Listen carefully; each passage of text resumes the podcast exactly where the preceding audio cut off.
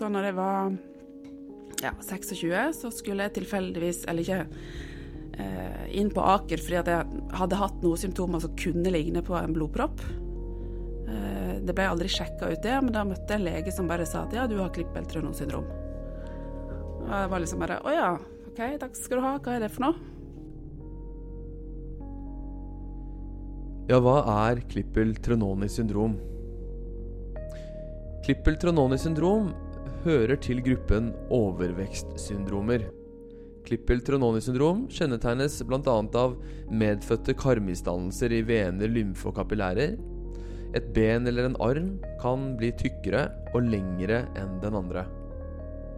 Noen får også større eller sammenvokste tær eller fingre. Og hudforandringer og infeksjoner, årebrokk og økt risiko for blodpropp er eh, også vanlig. Symptomer ved syndromet kan variere mye fra person til person. Noen merker lite til symptomer, mens det for andre kan forårsake omfattende funksjonsnedsettelser. Og intellektuell og motorisk utvikling er som regel normal. Mitt navn er Kristoffer Hals, og jeg er kommunikasjonsrådgiver på Frambø.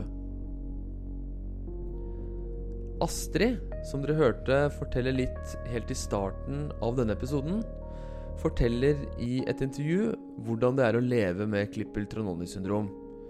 Hun har bl.a. en fot som er større enn den andre foten, og snakker om utfordringer med å finne sko.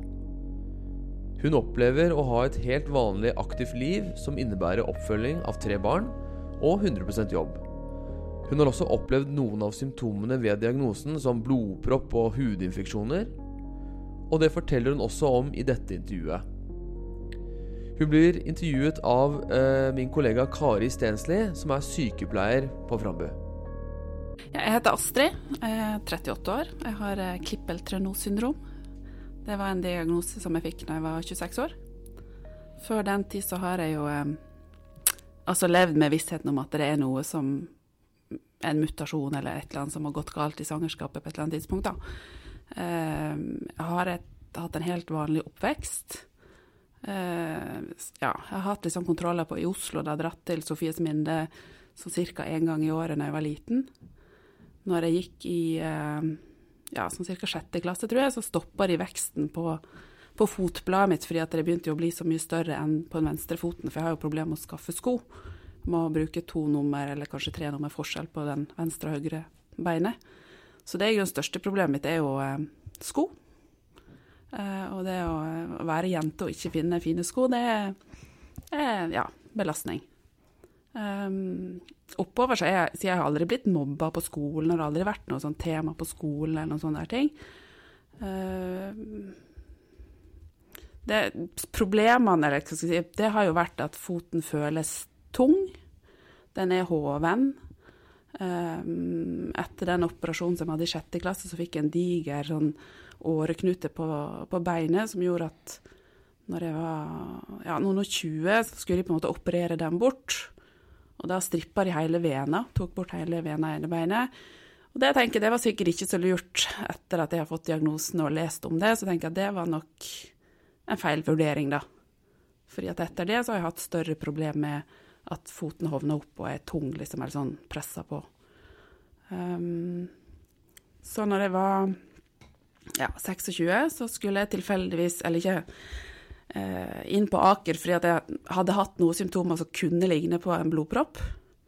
Uh, det ble aldri sjekka ut det, men da møtte jeg en lege som bare sa at ja, du har Klippel-Tronov-syndrom. Og jeg var liksom bare Å ja, OK, takk skal du ha, hva er det for noe? Og så fikk jeg en time hos han hvor han på en måte viste litt bilder og sjekka ut med ultralyd og sa at ja, sånn er det på en måte, og det er liksom eh. Det blir ikke noe bedre, det blir ikke noe verre, det er liksom sånn det er. Uh, og det har jo på en måte vært.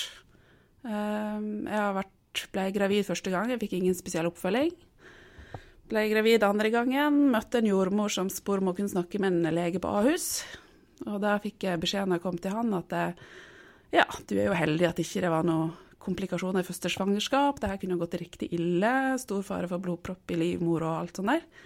Da får man litt sånn der Oi, det visste jeg ikke om. Så de to andre svangerskapene har jeg hatt veldig sånn tett oppfølging på sykehuset med mange ultralyder og sjekka hele tida, da. Um, men det har heldigvis ikke blitt noen komplikasjoner eller noen ting. Um, problemet er jo at ingen kjenner til diagnosen. Fordelen er at fastlegen sender det på Ahus så fort det er et eller annet. Um, det er jo litt sånn betryggende. Samtidig så kommer du på Ahus, og så vet ikke de noe der heller. Møter liksom aldri noen lege som, som, vet hva det er, og de klarer på en måte ikke å se sammenhengen, da. Selv om jeg kan liksom oppgi ja, snakke med den legen eller snakke med den legen, så, det, så ser de liksom ikke noen sammenheng. Um, jeg fikk eh, hjertesvikt på siste svangerskap, altså når ungen ble født. Om det har noe med diagnosen å gjøre, det vet jeg ikke. Det er ingen som vet. Um, men det jeg har fått som, som, følge av diagnosen, det er jo på en måte jeg har fått dyp venetrombose i høyrebeinet. Det er jo for at man er jo mer ja, utsatt for å få det. Og det har jeg jo fikk jeg jo til tross for at jeg går med sånn strømpe hele tida. Så fikk jeg det, og nå går jeg på blodfortynnende, og det må jeg gå på resten av livet. Jeg tør jo ikke ta sjansen på å få blodpropp en gang til. Um, og så får jeg hele tida sånne roseninfeksjoner som det står om, da. Som, uh, for jeg har veldig dårlig blodsirkulasjon i det, i det høyre beinet. Så jeg Ja, siste halvåret så har jeg vel gått på sju-åtte eh, penicillinkurer, tror jeg. Og så, så, går det kanskje noen år hvor jeg klarer å holde det i sjakk, og så er vi på'n igjen, liksom. Og det er slitsomt. Så det er vel en av de liksom, bivirkningene som er mest slitsomme med den diagnosen, det er liksom de infeksjonene hele tida. Um, ehm.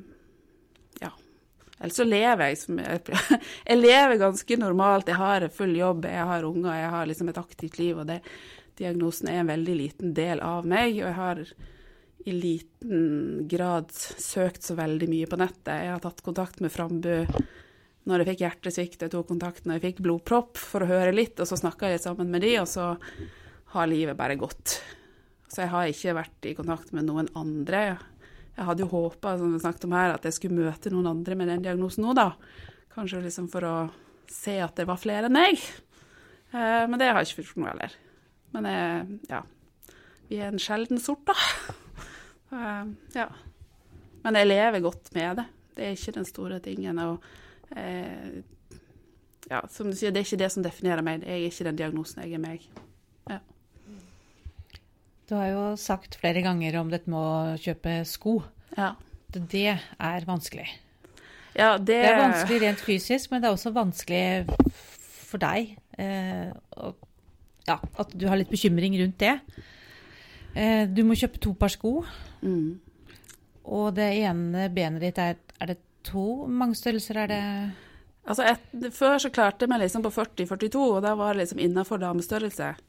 Etter svangerskapene så har jo eh, beina jo da, har jeg skjønt. Så nå er jeg liksom mer oppe på 43, og da sliter jeg på en måte, for det er svært få damesko som er i den størrelsen der. I hvert fall i ordinære butikker.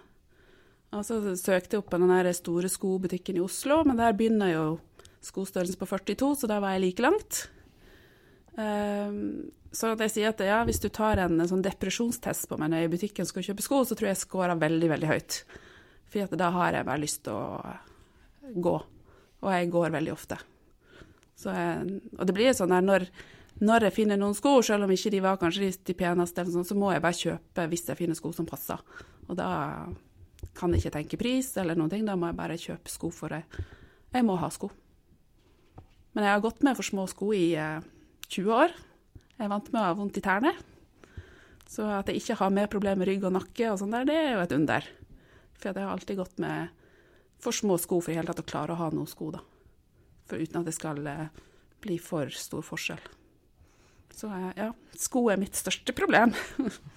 mm. Så har du sjekka opp hvilke rettigheter du har i forbindelse med, med kjøp av sko? Og det var at du har Du får dekka inn til eh, Når jeg var liten, så vet jeg at mamma sendte inn kvitteringene, så fikk jeg dekka liksom to par sko. Og da sendte vi inn kvitteringene i desember, når vi så hvilken to par sko som var de dyreste det året. Og da fikk jeg liksom dekka to par sko. Så har jeg gjort om på det, slik at nå får jeg dekka inntil 1400 kroner. Og for meg så vil det si at jeg får en halv sko, liksom. Og da Jeg gidder ikke, rett og slett. Da det, det, utgjør så lite av eh, de skoene jeg kjøper at det gidder jeg ikke. Og så gidder jeg ikke kjøpe sko hvert år heller, fordi at det er en for stor ja, belastning, rett og slett. Så jeg kjøper skoene jeg må.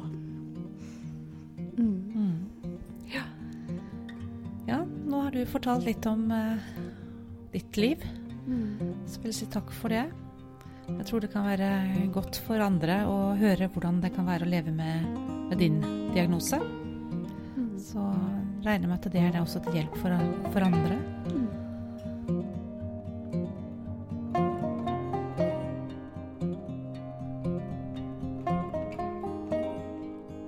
Takk for at du hører på Frambepodkasten.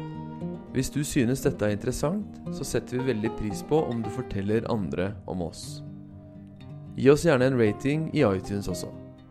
For mer informasjon om sjeldne diagnoser, gå inn på frambu.no, og følg oss gjerne på Facebook, Twitter og YouTube. Tusen takk for at du hørte på.